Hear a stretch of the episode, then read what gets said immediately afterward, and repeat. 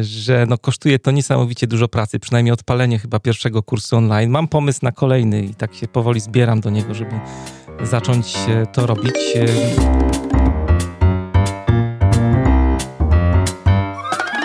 Dwa Edu. Podcast o szkoleniach, prezentacjach i technologiach wspierających rozwój.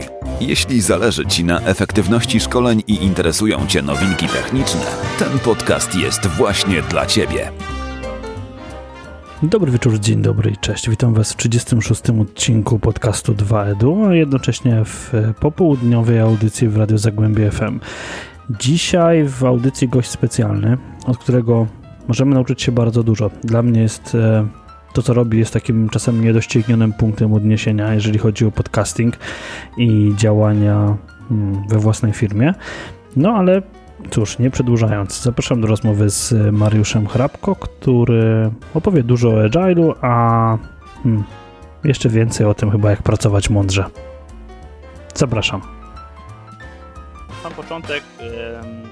Mariusz, przede wszystkim dziękuję Ci bardzo za przyjęcie zaproszenia i za to, że e, przy swojej ogromnej zajętości znalazłeś czas na to, żeby podzielić się, e, podzielić się tym czasem i podzielić się doświadczeniem i porozmawiać ze mną, ale myślę, że sporo słuchaczy, zwłaszcza podcastowych, bardzo dobrze Cię zna z Twoich świetnych dwóch podcastów, ale czy mógłbyś się przedstawić, jak Ty sam siebie postrzegasz, jak Ty sam siebie widzisz, jak widzisz siebie w tym świecie uczenia? W świecie uczenia.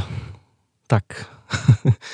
No, nazywam się Mariusz Hrabko. Y, zajmuję się na co dzień wspieraniem transformacji ludzi i organizacji. To tak szumnie brzmi, ale moja praca skupia się właśnie na pomaganiu organizacjom i zespołom, liderom, którzy w tych organizacjach pracują. E, I dzielę trochę tę swoją działalność właśnie na pracę z klientami, na właśnie wsparcie firm i działalność online, o czym pewnie będziemy mieli okazję dzisiaj trochę porozmawiać. E, co robię? Zajmuję się wdrożeniami, e, wsparciem programu zwinnych transformacji w dużych firmach, w średnich również, zależy od skali e, oczywiście. No i dodatkowo przy tym pojawiają się szkolenia, szkolenia zespołów, szkolenia liderów. Pracuję dużo z zarządami firm, też z dyrektorami, kierownikami przy wymyślaniu całych koncepcji, właśnie modelów tego, jak organizacja mogłaby działać. Oczywiście modeli takich e, startowych, od których zaczynamy, bo później e, wierzę mocno w to, że organizacje ewolucyjnie się same rozwijają i same gdzieś tam odkrywają swój cel. A tak jak powiedziałeś, e, jeśli chodzi o działalność online, no to prowadzę dwa podcasty, Podcast Manager Plus, który jest takim podcastem o zarządzaniu sobą i biznesem, gdzie spotykam się z różnymi gośćmi, wybieram bardzo precyzyjnie różnych guru biznesu, liderów współczesnych. Y, trochę też jest audycji solo. No i oprócz tego też taki eksperyment uruchomiłem w zeszłym roku, który ciągle y, kontynuuję, chociaż y, czasu mam bardzo mało na ten projekt. Podcast na Sofie, który jest totalnie odjechany, bo to jest muzyka i podcast bardziej taki muzyczny, a więc zupełnie co innego niż to, co mi towarzyszy na co dzień y, w pracy. Ja muszę przyznać, że podcast na Sofie jest ulubionym podcastem u mnie rodzinnym i jakby y, słuchamy rodzinnie.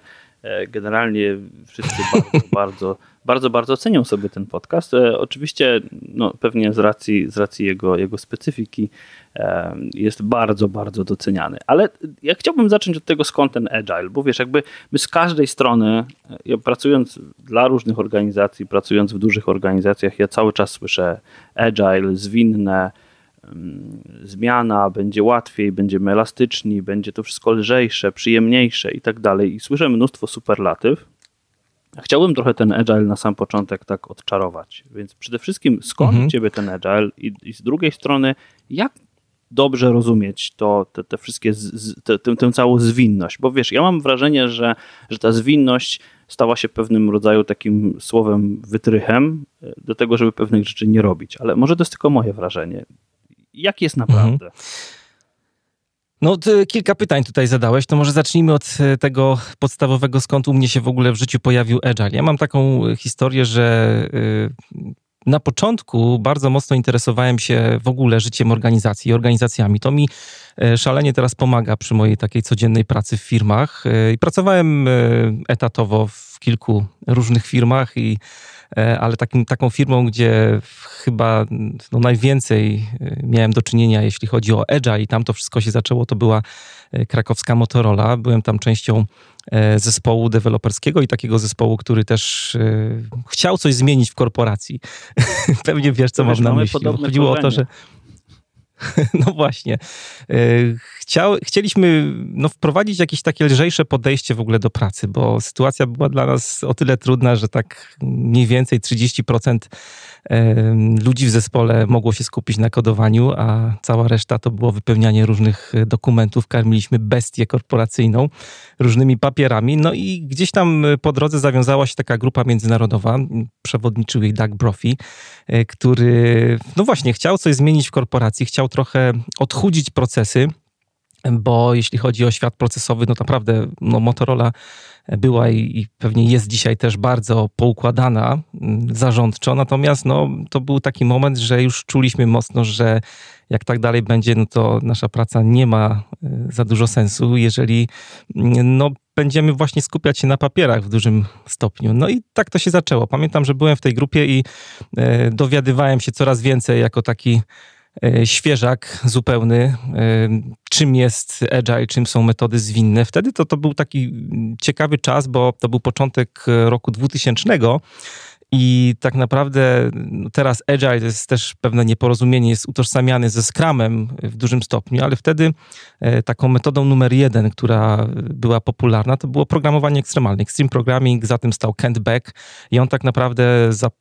początkował cały ten ruch zwinności, bo w 2001 pojawił się manifest agile'owy e, i tą zwinność jakoś tam usystematyzowano, ale tak naprawdę początki, jakby cały ten boom spowodowała e, książka Kenta Becka Extreme Programming o programowaniu ekstremalnym, która w dużym stopniu pokrywa się z tym, co e, robimy w chociażby w Scrumie, plus jeszcze tam dochodzą praktyki takie stricte deweloperskie. No i, i, i, to był początek. Pamiętam, że e, dużo wtedy e, miałem takich e, spotkań związanych z kolędowaniem o agile'u e, w korporacji. Biegałem na różne spotkania, próbowałem przekonywać na lewo i prawo ludzi, że e, taka praca ma sens i że chcemy to robić. No i myślę, że takie bieganie trwało gdzieś z rok.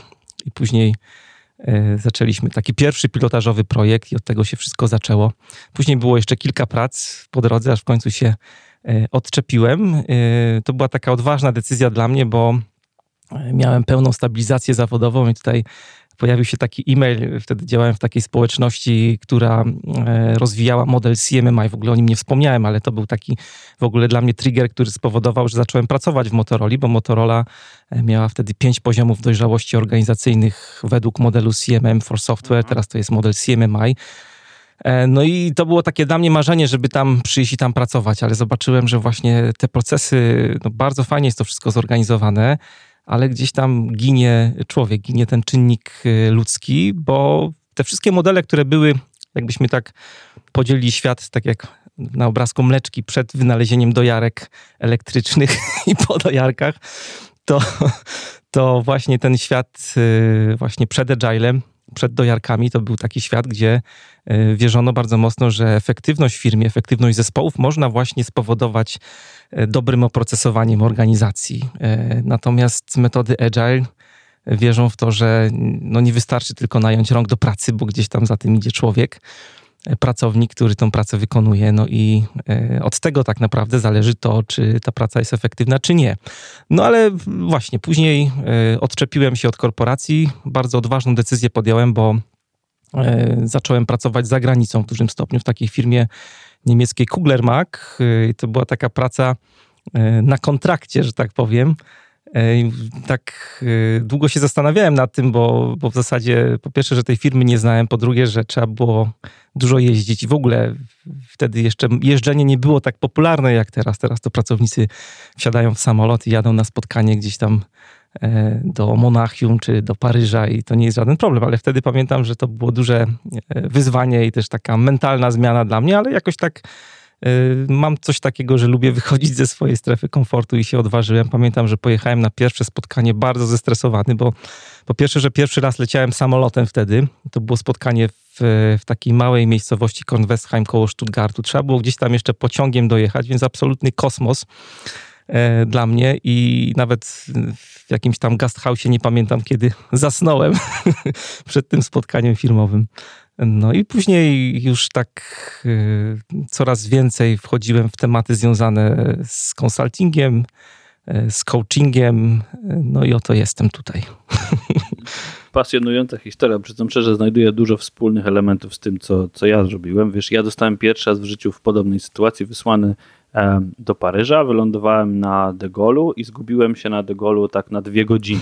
Żeby, żeby do Gardi Nord dojechać, zajęło mi to kolejne trzy. Aha. Także jakby y, jestem w stanie tutaj jakby czuję, czu, czuję ten strach, który, który wtedy występował.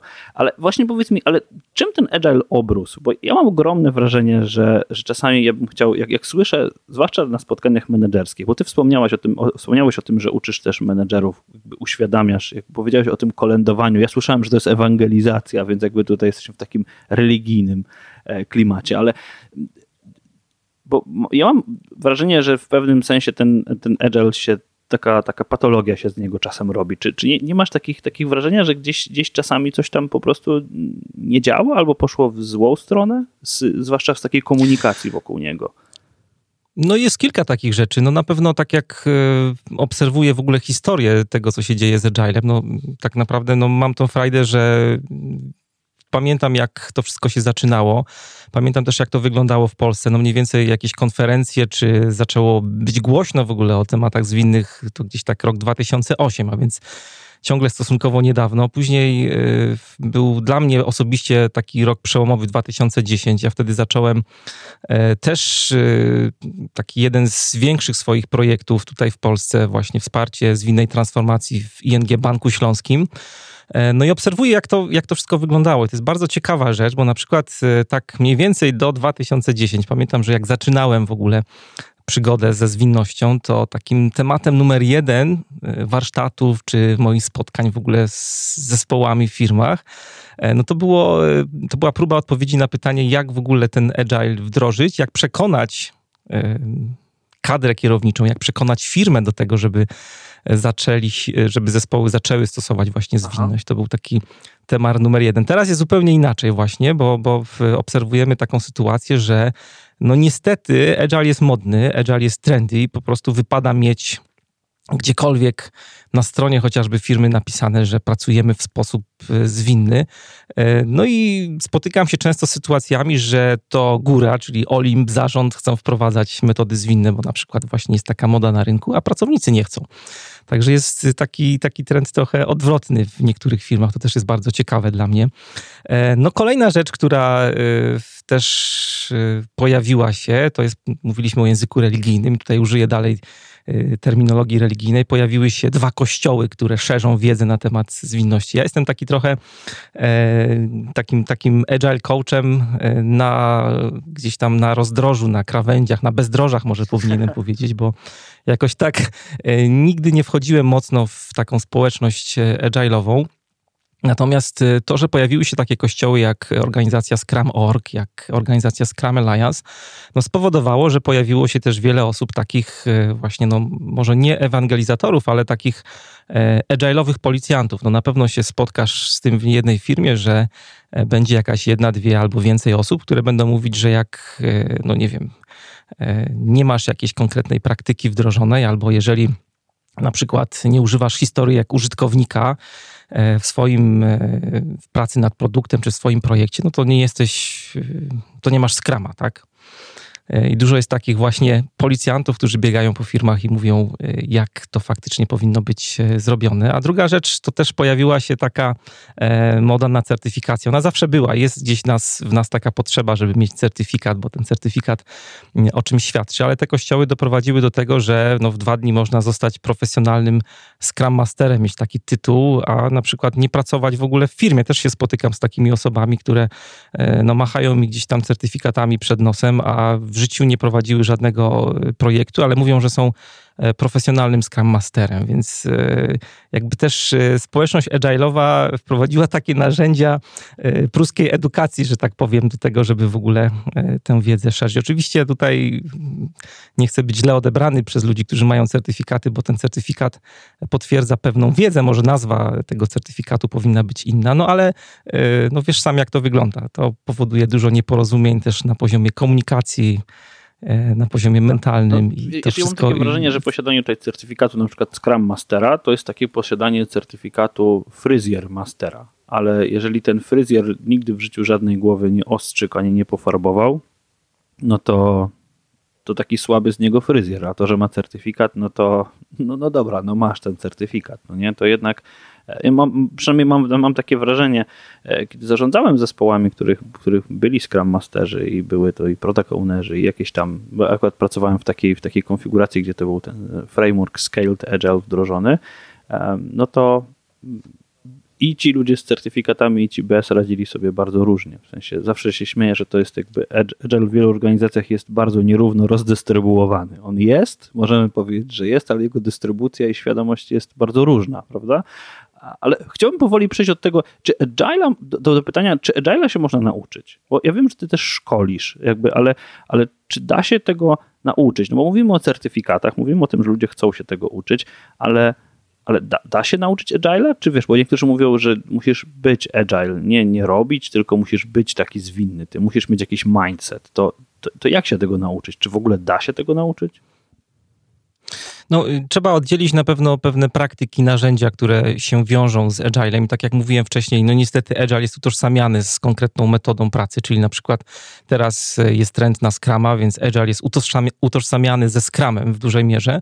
Natomiast tak jak mówisz, no to, jest, to jest najważniejsze, że Agile to jest pewien mindset, to jest pewien e, poziom mentalny czy światopogląd, e, który nie jest wcale tak łatwo się nauczyć.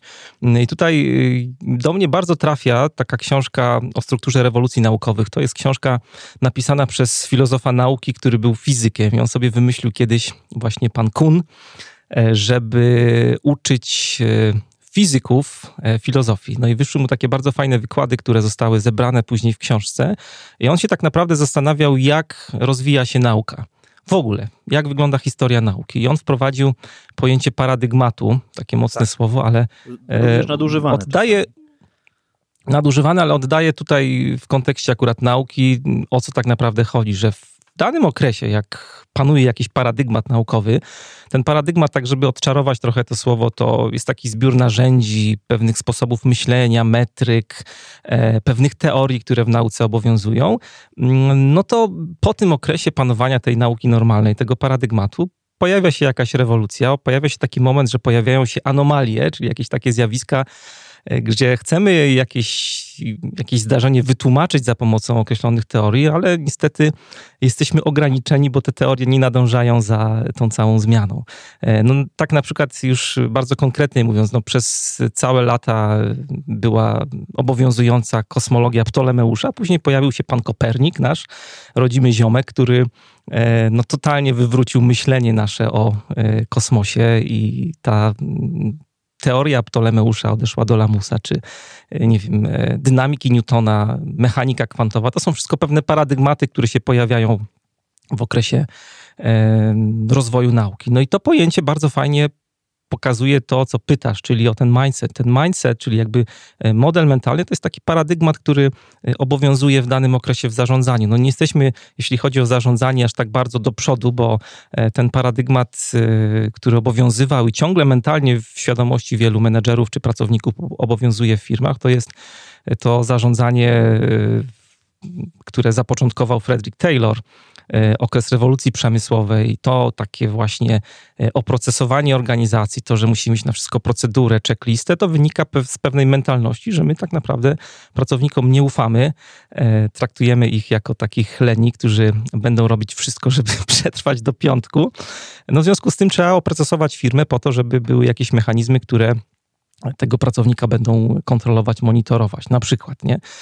I to, co przyniósł Agile, Agile to jest pewna filozofia, pewne jakby sposób myślenia, tak jak powiedziałeś, to nie jest konkretna metoda, to jest taki parasol, który e, spina różne metody, spina Scrama, Feature Driven Development, Extreme Programming, e, metody kanbanowe na przykład. E, taki parasol, który składa się z konkretnych narzędzi, z konkretnych wartości. Tymi wartościami jest na przykład komunikacja, ciągła informacja zwrotna, to, że zespół e, tutaj jest bardzo ważny, że pracujemy zespołowo, to, że właśnie e, chcemy się szybko uczyć, chcemy szybko sobie dostarczać informacji zwrotnej. To są wszystko pewne zręby nowego paradygmatu, który no, się rodzi w, w zarządzaniu. E, I zobacz, że to idzie dużo szerzej właśnie, dużo nieporozumień, które spotykam w firmach wynikających ze stosowania metod zwinnych, na przykład ze Scrama, bierze się stąd, że Scrum jest taką metodą która jest traktowana przez zespoły, przez e, firmy do takich zmian też organizacyjnych, czyli firmy myślą, że jak będą miały Scrama, taką torpedę, która przyspieszy ich pracę, to tak naprawdę ich firma będzie zwinna. Co się okazuje? Są firmy, które stosują Scrama, mają praktyki skramowe wdrożone, czyli na przykład są sprinty, jest planowanie sprintów, są stand-upy codziennie i tak dalej, i tak dalej, ale firma koniec końców nie jest zwinna. No i y, to jest rzecz, która sięga dużo, dużo głębiej, bo jakby e, ta zmiana, e, która jest tutaj wymagana, żeby te metody jakoś tam funkcjonowały w organizacji, dotyczy zmiany. Tutaj używam często porównania do systemu operacyjnego. Tak jak w komórkach mamy systemy operacyjne iOS jest Android, to Scrum jest taką apką, którą próbujemy często wgrać do E, do telefonu, który ma zupełnie inny system operacyjny. I dużo pracy właśnie nad tym, żeby ta zwinność miała sens, dotyka, chcąc nie chcąc, e, organizacji. Musimy pracować nad pewnymi warunkami, które musimy stworzyć dla zespołów, żeby mogły właśnie zwinnie pracować. Ja tutaj e, często też używam takiego obrazu, że w naszych e, organizacjach mamy jakby trzy poziomy pracy. Jest poziom e, ego, taki poziom indywidualny każdego pracownika, który ma Mariusz, który ma Piotrek. I to jest nasz taki wewnętrzny świat naszych motywacji, naszych celów, tego do czego zmierzamy, co chcemy robić, co nas kręci, a co nie. No i to jest taki świat, y, który jest zamknięty dla szefa, dla innych kolegów, koleżanek y, z zespołów. No i drugi poziom to jest poziom plemienny. To jest taki poziom, gdzie właśnie wchodzimy w świat takich relacji, które e, warunkują tworzenie projektów. I to jest taki poziom właśnie, gdzie już pracujemy zespołowo w firmach. No bez tego firmy by nie istniały tak naprawdę. Ale to jest poziom, do którego sięga zwinność w postaci konkretnej metody, czyli tutaj mamy Scrama. A jest jeszcze trzeci poziom, to jest poziom właśnie takich warunków organizacyjnych, organizacji, gdzie mamy system operacyjny firmy i tutaj e, Scrum nie sięga, że tak powiem. Tutaj jest e, świat e, organizacji, który musimy odpowiednio przygotować do tego, żeby plemiona nasze zwinnie mogły pracować.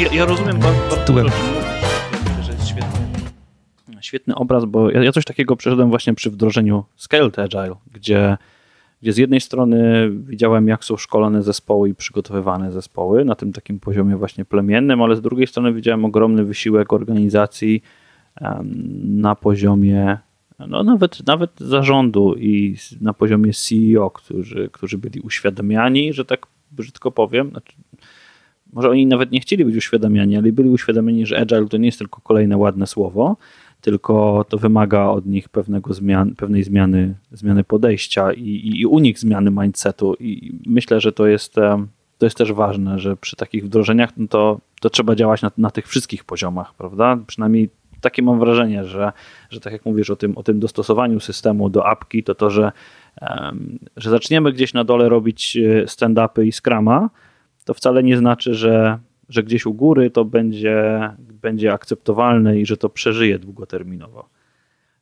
Mhm. Mhm, proszę, proszę. Y, to też jest y, taka rzecz, którą moglibyśmy taką klamrą spiąć, że jakby praca nad y, stosowaniem agile'a, czyli nad agilem w firmie, to jest praca nad świadomością ludzi. E, bardzo fajna jest tutaj taka pozycja, którą polecam bardzo mocno wszystkim słuchaczom, e, mianowicie pracować inaczej Fredrika Laloux i on e, zrobił takie badania, które pokazały, że wraz z rozwojem świadomości, wraz z rozwojem świadomości człowieka, E, zmienia się też forma e, organizacji. I on tam pokazał te słynne swoje kolory. Ubrał to w kolory, żeby było łatwiej o tym mówić, ale organizacje turkusowe, na przykład, o których dosyć mocno jest y, dzisiaj głośno.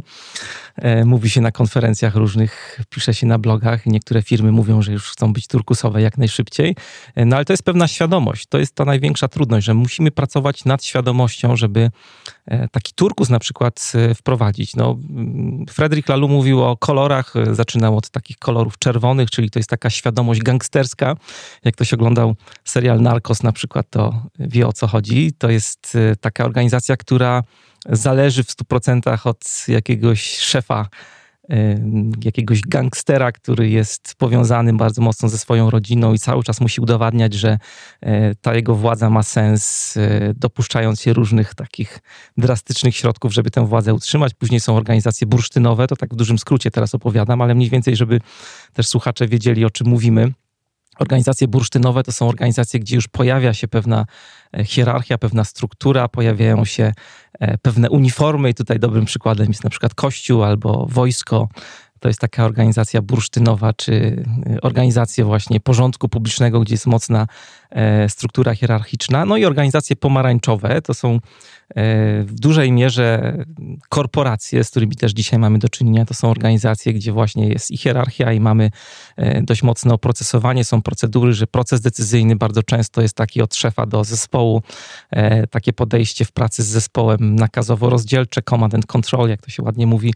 E, no i później są te dwa takie wywrotowe poziomy świadomości E, poziom zielony. I tutaj bym powiedział, że bardzo dużo firm, które no, próbuje wdrażać e, metody agile, na tym poziomie właśnie e, spoczywa, co jest bardzo dobre, bo poziom zielony to jest taki poziom, gdzie takim słowem kluczem jest empowerment, czyli upełnomocnienie pracowników, bo ta świadomość rozwija się człowieka w kierunku takiej autonomii, czyli że pracownik e, sam wie najlepiej, jak wykonywać swoją pracę i to dochodzenie do organizacji turkusowej, a więc takiej organizacji, gdzie już jakby cała władza jest oddana w ręce pracowników, gdzie jakby praca takiej organizacji jest oparta na samo, samozarządzaniu, e, no to jest właśnie już taki zen, e, można powiedzieć, świadomości. Ale ciekawe jest bardzo to, że tak jak Lalu pokazywał w tych swoich badaniach, że ten rozwój tych organizacji, rozwój świadomości nie jest rozwojem liniowym, czyli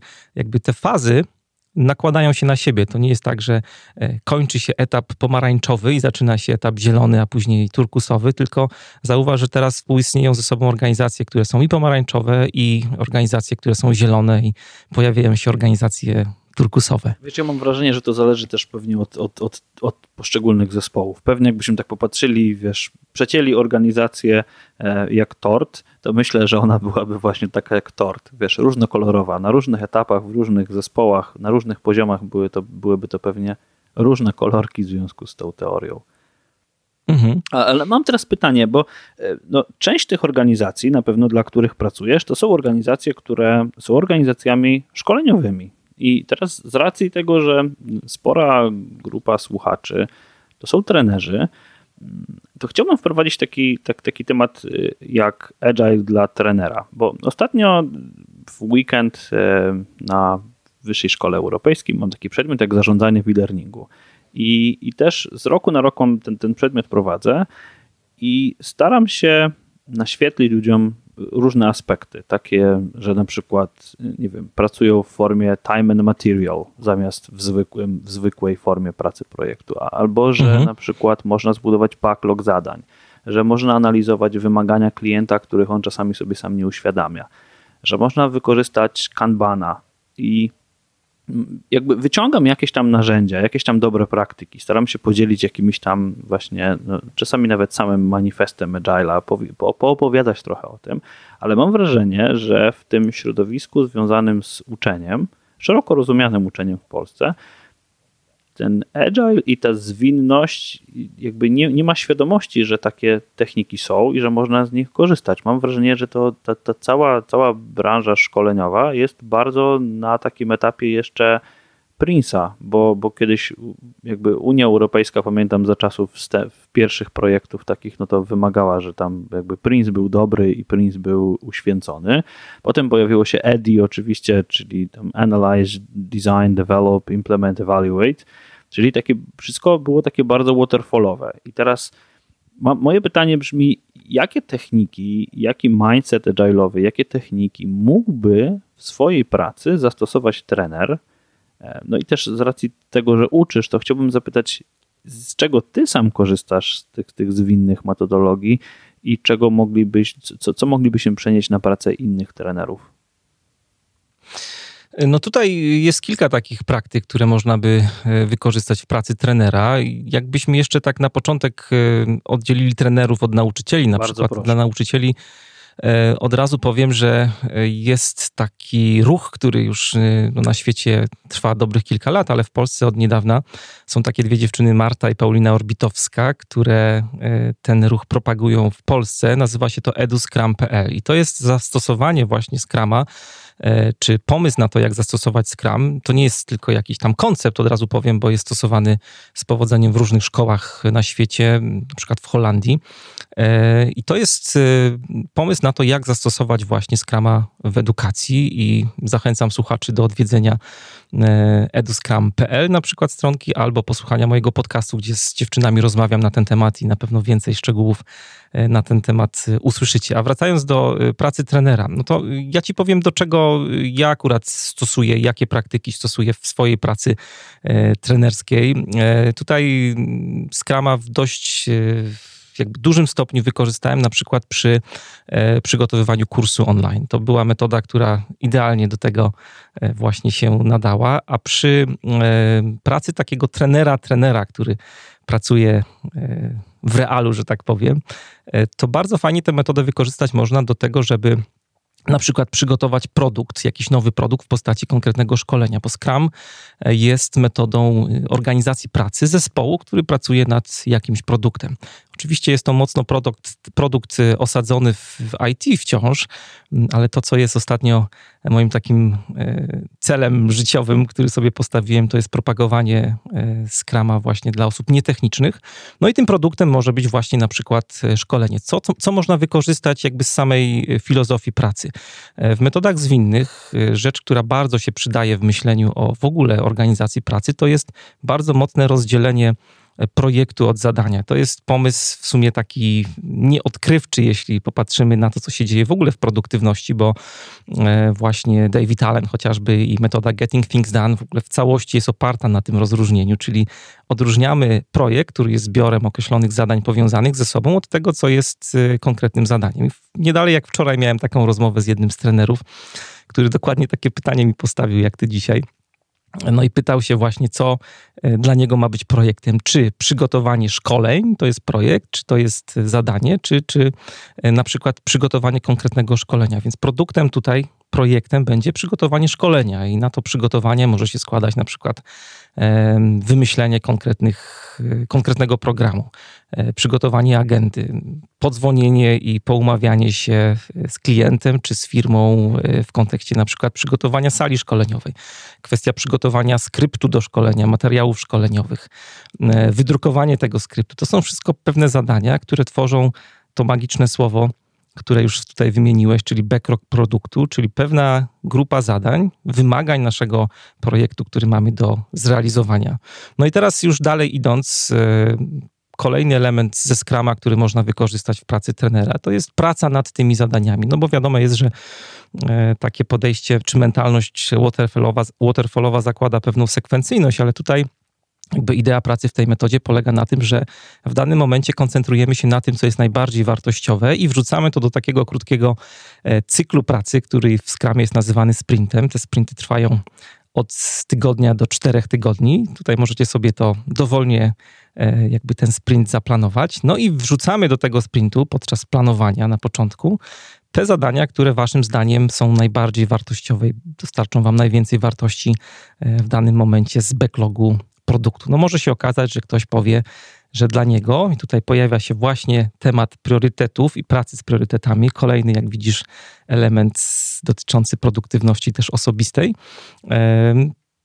Na początek ważne będzie to, żeby w ogóle pomyśleć o programie e, szkolenia i wchodzą do pierwszego sprintu zadania związane e, z przygotowaniem programu szkolenia na przykład. No i teraz jak już e, ruszymy z tym sprintem, Scrum mówi o tym, że codziennie są takie spotkania, które e, nazywane są codziennymi skramami. To są spotkania maksymalnie 15-minutowe, kiedy e, zespół e, planuje, co będzie robił do kolejnego codziennego skrama. Czyli to jest takie spotkanie, gdzie z jednej strony synchronizujemy swoją pracę, a z drugiej strony też planujemy kolejne 24 godziny naszej pracy. Mówimy, co, mm, czym zajmowaliśmy się od ostatniego spotkania, co będziemy robić do kolejnego codziennego skrama i jakie rzeczy nas blokują, spowalniają ewentualnie. To oczywiście, no, jeżeli pracujemy tak indywidualnie, to trudno się spotykać z samym sobą, ale jak na przykład pracowałem nad kursem online, to organizowałem takie spotkania z zespołem, e, który pracował nad przygotowaniem tego kursu razem ze mną. E, na początek sobie założyłem, żeby nie były to spotkania codzienne. Spotykaliśmy się raz w tygodniu. Później zauważyłem, że to jest za krótko. Skracaliśmy ten czas do e, trzech dni, aż w końcu dojrzeliśmy wszyscy do tego, że te spotkania codziennie będą, nawet na te 15 minut, będą dla nas bardzo wartościowe i tak to się skończyło.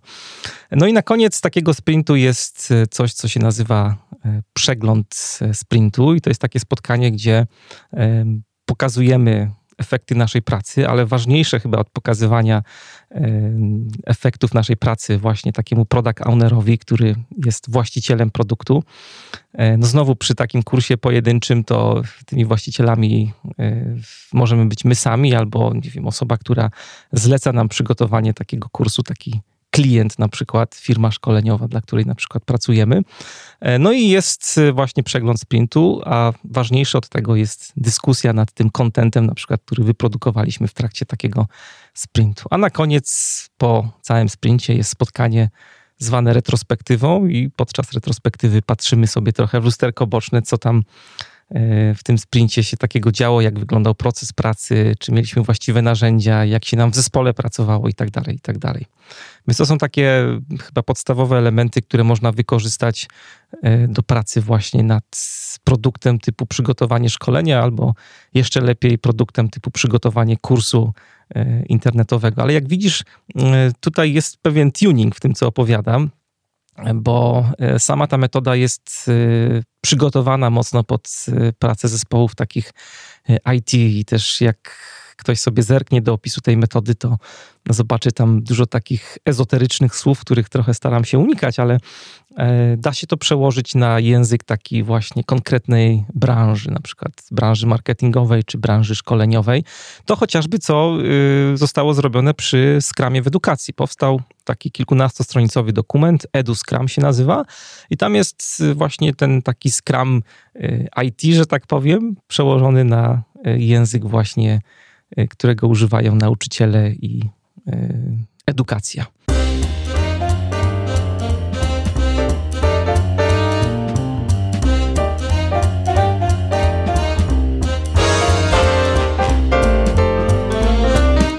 No w zasadzie z tego, co mówisz, i jakby dziękuję bardzo za wyjaśnienie całego tego procesu, bo, bo widzisz, to, mm, to daje taką, taką perspektywę, która właśnie trochę odczarowuje, um, odczarowuje Scrum i odczarowuje trochę Agile e, w takim kontekście, że Agile nie oznacza, że będziesz sobie robił co chcesz. Agile oznacza, że będziesz pracował w bardzo ściśle ustrukturyzowanym systemie. No bo, bo tutaj są konkretne zadania do wykonania, konkretne wtedy się robi to, codziennie się robi planowanie, codziennie się mówi, co się będzie robiło, więc e, jak tak popatrzymy na, na to, mm, jak to jest zorganizowane, to, to z mojej perspektywy Agile wymusza ogromną systematyczność i systematyczność dostarczania pracy, systematyczność w komunikacji, systematyczność w, w jakby w orientowaniu się, gdzie jesteśmy, e, która no w przypadku takiego waterfallowego projektu myślę, że gdzieś się, gdzieś się gubi. Przynajmniej ja mam takie wrażenie.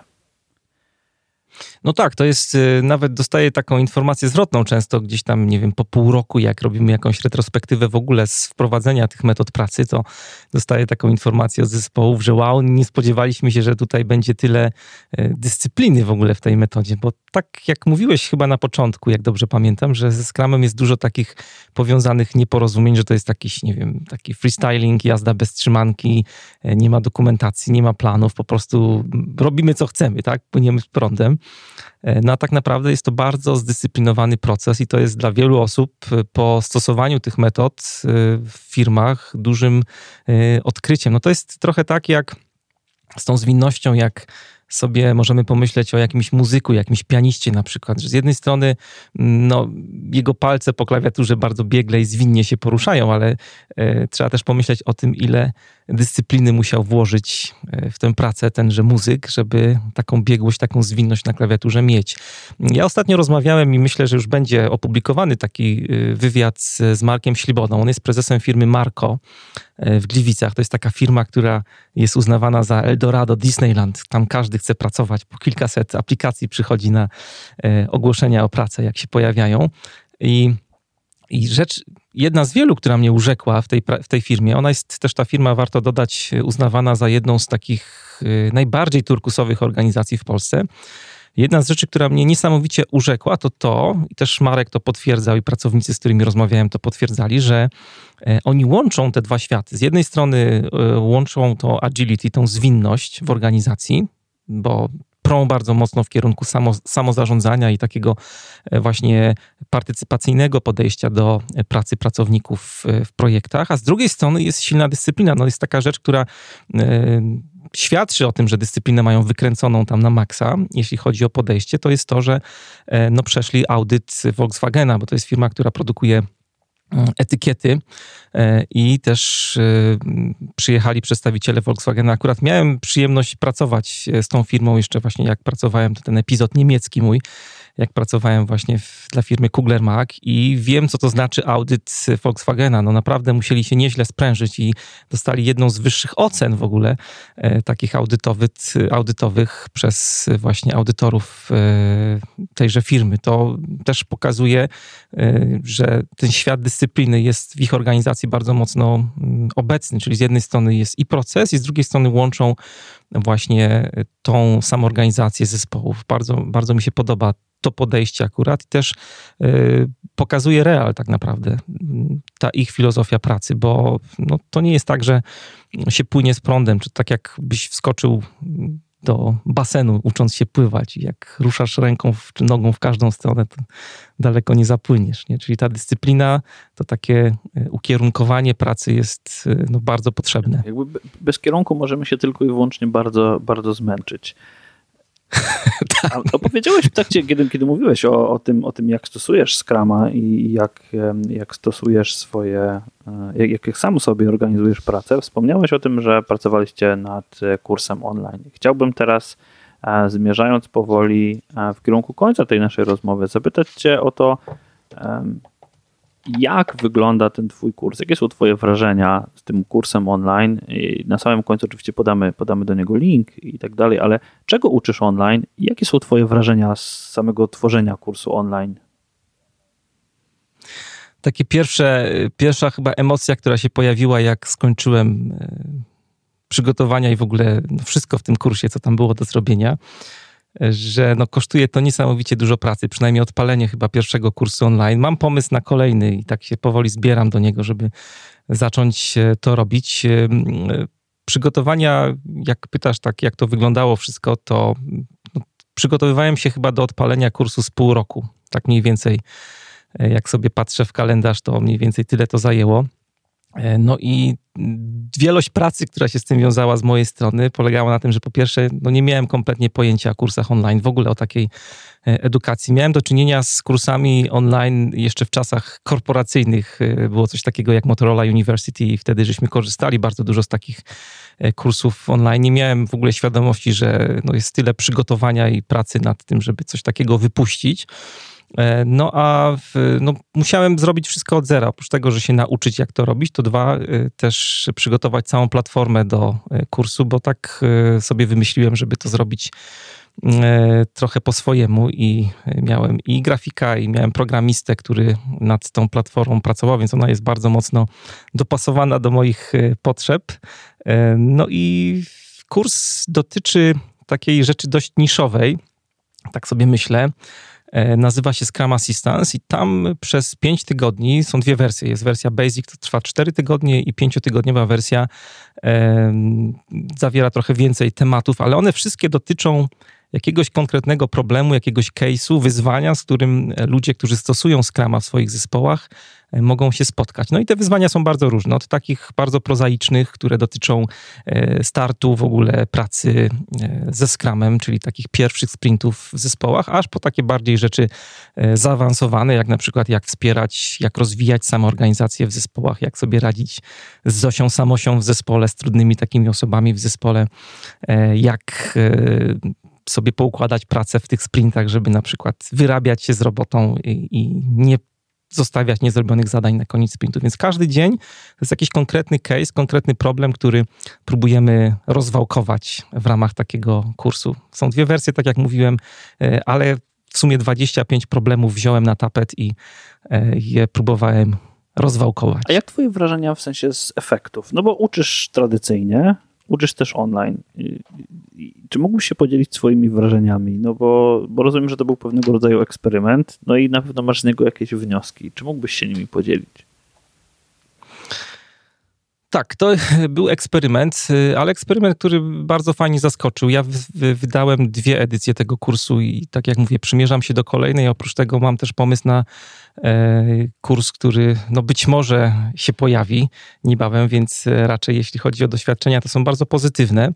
E, bardzo fajna społeczność się zbudowała wokół tego kursu, społeczność wokół Facebooka też, bo w tej grupie VIP e, ludzie mieli dostęp przez cały kurs do grupy facebookowej, która później przerodziła się w dwie grupy facebookowe, które prowadzę wspólnie z Olą. Jedna to jest Coaching Scrumie, a druga e, to jest właśnie grupa Scrum Assistance, gdzie idea jest taka, że pomagamy sobie wzajemnie w rozwiązywaniu różnych problemów, a więc skramowych, a więc e, no to jest taki, taki case jak podczas kursu e, Scrum Assistance tak się zastanawiam, jak odpowiedzieć na to Twoje pytanie, bo to dotyczy trochę takiego szerszego wątku, nad którym się też trochę zastanawiałem, e, w ogóle działalności online i edukacji online. Rzecz, która mm, jest dla mnie wciąż trudna, bo wszedłem bardzo mocno z butami e, w internet i tak jak mówiłem na początku, dzielę sobie trochę ten mój świat zawodowy na pracę u klientów, na takie szkolenia też fizyczne, na wdrożenia fizyczne w realu i ten świat taki onlineowy,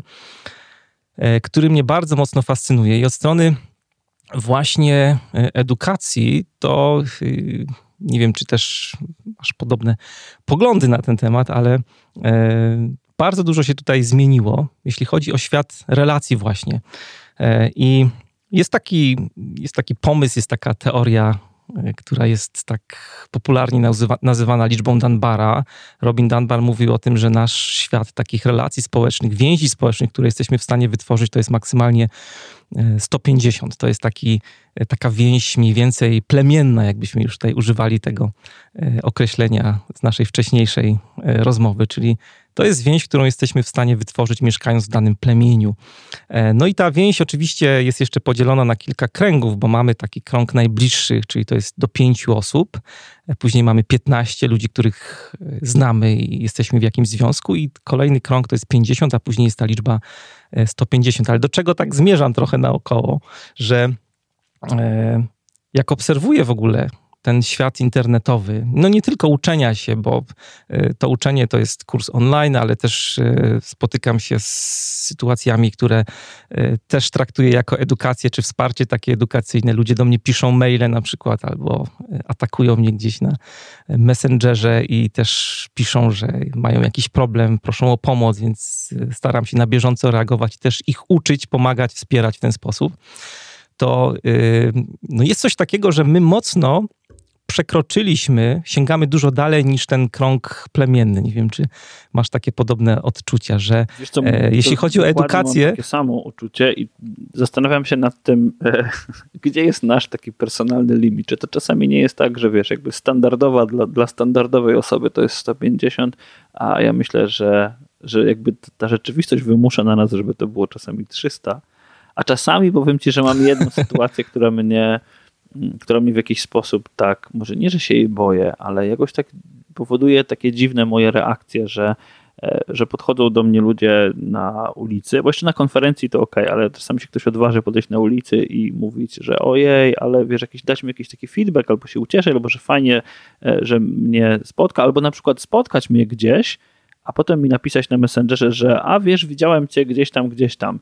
I wiesz, i ja zaczynam, zaczynam się wtedy zastanawiać, czy ja wiesz, nie, nie, nie zrobiłem jakiejś totalnej głupoty wtedy. No nie, wiesz, no tak czasami bywa, nie wiem, po, pokłócisz się z kimś, nie? Albo nie wiem, krzyczysz na dziecko, no zdarza się, no, prawda? I, e, i myślę sobie, że kurczę, do tego, do tego mojego wizerunku internetowego krzyczenie na dziecko zupełnie nie pasuje i nie wiem w jakiej sytuacji ta osoba mnie widziała, więc czuję się czasami taki, wiesz, deprymowany tym.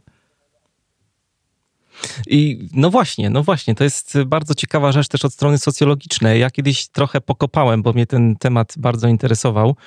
I odgrzebałem taki, taką rzecz, perełkę, która była dla mnie niesamowicie zaskakująca. Mark Gronewetter, taki socjolog amerykański. Zaskakujące było to, że on w 1973 roku napisał taki artykuł Siła słabych więzi, tak się nazywa, The Strength of Weak Ties.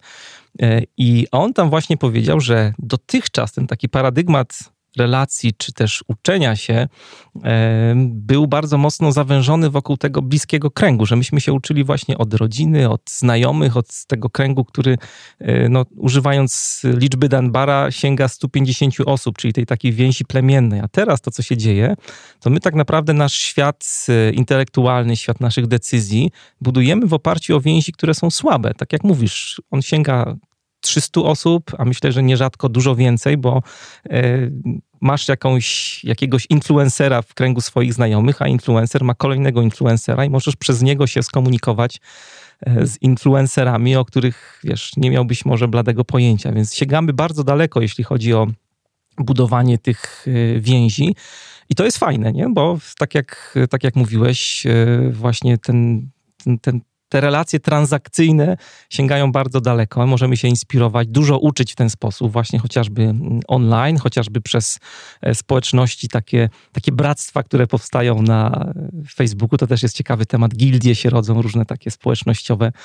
E, też masz swoją gildię. Tak, tak, mamy. Wiesz, powiem ci, że zaskakuje tak. mnie to, jak ona szybko rośnie e, i i myślę, że też jakby, co, co, jest fajne, to że, to, że my jesteśmy w stanie spotkać się, spotkać się w rzeczywistości, w sensie na, na konferencjach, zapraszamy się na te konferencje, organizujemy sami jakieś rzeczy i myślę, że to jest fajne. Myślę, że to jest taka, taka zmiana, która, wiesz, pomimo tego całego zła, które i pomimo tych wszystkich pomyj, które możemy wylać na social media, internet i tak dalej, jakie one są straszne, to myślę, że one, jak są wykorzystywane mądrze, czy to kursy online, czy, czy właśnie te takie gildie i, i wykorzystujemy te narzędzia mądrze, to one mogą wzmagać i intensyfikować takie te prawdziwe relacje i, i prowadzić do, do prawdziwych, jakby do, do, dostarczenia lepszej wartości, bo spotykasz ludzi, którzy bardziej chcą coś robić, albo są w czymś lepsi, albo są bardziej zaangażowani, albo po prostu chcą bardziej niż ci, którzy są w jakichś bliskich, bliskich kręgach, więc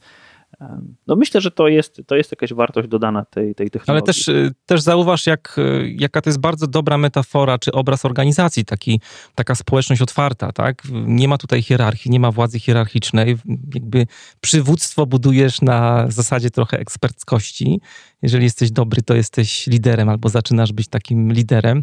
No też tak się nad tym zastanawiałem trochę, że no potrzebne są bardzo specyficzne kompetencje do tego, żeby w takiej społeczności pracować, nowe kompetencje XXI wieku i chyba takim, e, jak sobie myślałem o tym słowem kluczem, to jest e, budowanie takiej kultury zaufania, takiej ogólnej kultury zaufania, bo no to jest bardzo potrzebne, żeby w takie relacje z, w oparciu o słabe więzi e, wchodzić. No a druga rzecz, która też jest fajna, trochę o tym tutaj powiedziałeś, to jest to, że liczy się przejrzystość. Ta transparentność jest niesamowita dzisiaj. No, firma nie może zataić jakichś informacji, gdzieś tam w szufladzie schować, bo pracownicy sobie stworzą grupę i na tej grupie gdzieś wszystko wypłynie. Tak, kultura organizacyjna się drastycznie zmienia. Myślę, że o tym, o tym zaufaniu to jest też coś, o czym Michał Szafrański napisał chyba książkę swoją ostatnią. Jeszcze nie miałem przyjemności jej dotknąć, ale, ale z tego, co chwalił się na podcaście, no to właśnie o tym, o tym ta jego nowa książka Będzie, ma być. tak? No nie, nie słuchałem tego podcastu, ale widziałem okładkę tej książki gdzieś na Twitterze wczoraj, właśnie, że zaufanie było tam w tytule. No, to jest, to jest kompetencja, która nam będzie na pewno potrzebna, ale chciałem też powiedzieć o minusach tej całej sytuacji, bo bardzo kiedyś poruszył mnie twój wpis na blogu, polecałem go też gdzieś w podcaście kiedyś, który dotyczył wdzięczności. A to jest szerszy temat, tak jak trochę sobie możemy pofilozofować. Jakbyśmy popatrzyli na te mm, właśnie relacje, które się wytwarzają w tym kręgu plemiennym, to one są stałe. Tak nawet w dzisiejszych czasach, czyli ta więź relacje, czy rodzinne, czy przyjacielskie, czy relacje plemienne, one się nie zmieniły, ale właśnie mm, te relacje takie transakcyjne, że to tak nazwiemy, już e, socjologicznie bardziej, e, no one powodują z jednej strony tą fajność, która e, powoduje, że możemy się dużo uczyć i inspirować innymi, ale z drugiej strony ja też mam takie wrażenie, że trochę mimo wszystko w tym świecie online traktujemy się przedmiotowo. I tutaj nie mówię o hejcie absolutnie, ale właśnie o wdzięczności, o tym, o czym pisałeś w swoim artykule jest słaba responsywność też. Nie mówię o wszystkich osobach, bo jest bardzo dużo ludzi, którzy e, no, mnie bardzo mocno napędzają do działania i jak mi się nie chce nagrywać jakiegoś na przykład odcinka na sofie, to przychodzi jakiś e-mail albo przychodzi jakiś miły wpis, y, który no, napędza. Pewnie też tak masz, że chce ci się e, nagrywać kolejny odcinek, chce ci się to robić i masa ludzi jest, która bardzo fajnie reaguje, natomiast jest bardzo dużo osób, które no nie widzą mimo wszystko twarzy drugiego człowieka po tej drugiej stronie. I na przykład, nie wiem, zdarza mi się od czasu do czasu, że pisze jakiś dziennikarz, prosi o opinię nie mam informacji zwrotnej, gdzie to było później, e, czy w ogóle mu się to przydało. Nie ma dziękuję. E, pisze dziewczyna o 11 w nocy na Messengerze, że ona ma jutro bardzo ważną prezentację i potrzebuje pomysł na to, jak tam opowiedzieć zespołowi i szefowi e, o tym agile'u i tak dalej, i tak dalej. I mam trochę takie wrażenie, że, że właśnie oprócz tych wszystkich plusów, o których tutaj mówimy, to ten świat online, także świat y, te, tego uczenia online, o czym, o czym mówiłem, bo to trochę do tego chciałem zmierzać przez tą całą opowieść, ale żeśmy zdryfowali w różne kierunki, to też powoduje, że mnie mimo wszystko brakuje brakuje twarzy. Ja gdybym nie miał tego świata klientów swoich i, i, takich szkoleń też w realu, to pewnie byłoby mi ciężko zostać tylko przy takiej y, edukacji online i traktuję to jako jedno z narzędzi, które wspiera też to, co robię. Jeden z produktów, który wypuszczam, ale nie fokusuje się tylko i wyłącznie na tej y, takiej internetowej, że tak powiem, działalności. No myślę, że nie, niewidzenie drugiego człowieka jest tutaj takie trochę problematyczne. Ja z, drugiej strony też y, myślę, że cieszę się z tego, że mam na przykład studia podyplomowe, gdzie spotykam niesamowicie ciekawych ludzi, i którzy gdzieś tam budują swoją karierę i potem, potem to, to buduje, z mojej perspektywy, to na przykład buduje najsilniejszą relację. Grupa jest ok, słuchacze podcastu z całym szacunkiem dla Was też ok, e, ale najsilniejsze relacje powstają mimo wszystko w trakcie, w trakcie tych studiów, dlatego że spędzamy ze sobą sporo czasu i spędzamy ze sobą dużo czasu. I jakby wzmocnione to jest jakąś tam grupą na Facebooku i E, i tak dalej, mhm. ale te relacje są mimo wszystko najsilniejsze w trakcie takiego długiego przebywania ze sobą i, wspólnej pracy nad jakimiś zadaniami. E, więc e, myślę, że Myślę, że ta technologia powinna nam po prostu pomagać, powinna nam towarzyszyć, a nie, a nie zastępować jakiejś rzeczy, bo, bo myślę, że części, części z tych rzeczy nie zastąpimy i, i, tego, co się dzieje na warsztatach, sam dobrze wiesz, że tego, co się dzieje na warsztatach tak, takich fizycznych i na tych spotkaniach, i na tych spotkaniach konferencyjnych, nie zastąpimy pewnie, pewnie żadną technologią, chociaż no cóż, możemy próbować. Na sam koniec moje pytanie, gdzie można znaleźć więcej informacji, gdzie słuchacze powinni się w tej chwili udać, jeżeli już są w pełni zmotywowani do tego, żeby e, poszukać więcej o tobie, znaleźć twój kurs i tak dalej i znaleźć twoje podcasty, gdzie powinni pójść?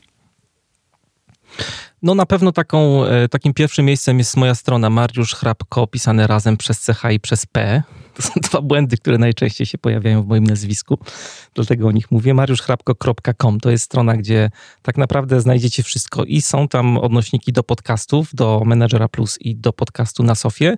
E, jest tam też odnośnik do kursów e, online, do kursu Scrum Assistance i znajdziecie tam też odnośnik do szkoleń. Mam dwa takie otwarte produkty, szkoleniowe, które realizuję cyklicznie i to są, e, to jest, to jest pierwsze szkolenie, to jest coaching w Scrumie, a drugie szkolenie to jest Scrum dla zielonych. Moje, e, moje nowe dziecko ostatnio, którym jestem bardzo zadowolony i myślę, że będziemy to dalej kontynuować, bo odzew ze strony uczestników jest bardzo, bardzo duży. Na pierwsze szkolenie, które miało tylko 20 miejsc, zgłosiło się ponad 100 osób, więc e, na pewno będą kolejne edycje. Więc tam na tej stronie znajdziecie wszystkie informacje na mój temat, no a można też niezależnie e, udać się na stronę kursu scrumassistance.pl i coaching w Scrumie PL i Scrum dla Zielonych.pl, także są też oddzielne strony dla tych produktów dedykowane. Dziękuję Ci bardzo. Oczywiście podlinkujemy je wszystkie. A Was zachęcam zarówno słuchaczy podcastu, jak i, jak i radia Zagłębie FM do wysyłania wiadomości, komentowania i kontaktowania się z nami, no bo słuchajcie, naprawdę to, że my siedzimy po tej stronie mikrofonu, to nie znaczy, że brakuje nam ludzkich odczuć e, i bardzo, bardzo lubimy kontaktować się z Wami, więc e, prosimy o komentarze, o pytania, piszcie do nas, bo to sprawia, e, tak jak Mariusz powiedział, że chce się nam to robić dalej, lepiej i jeszcze intensywniej dostarczać Wam wiedzę, informacje i dzielić się naszymi doświadczeniami. Mariusz, dziękuję Ci bardzo i no mam nadzieję, że za niedługo spotkamy się znowu i podzielisz się, podzielisz się wrażeniami z tych, z tych swoich nowych projektów. Bardzo dziękuję za zaproszenie, bardzo miło mi się rozmawiało dzisiaj z Tobą. Dziękuję i do usłyszenia.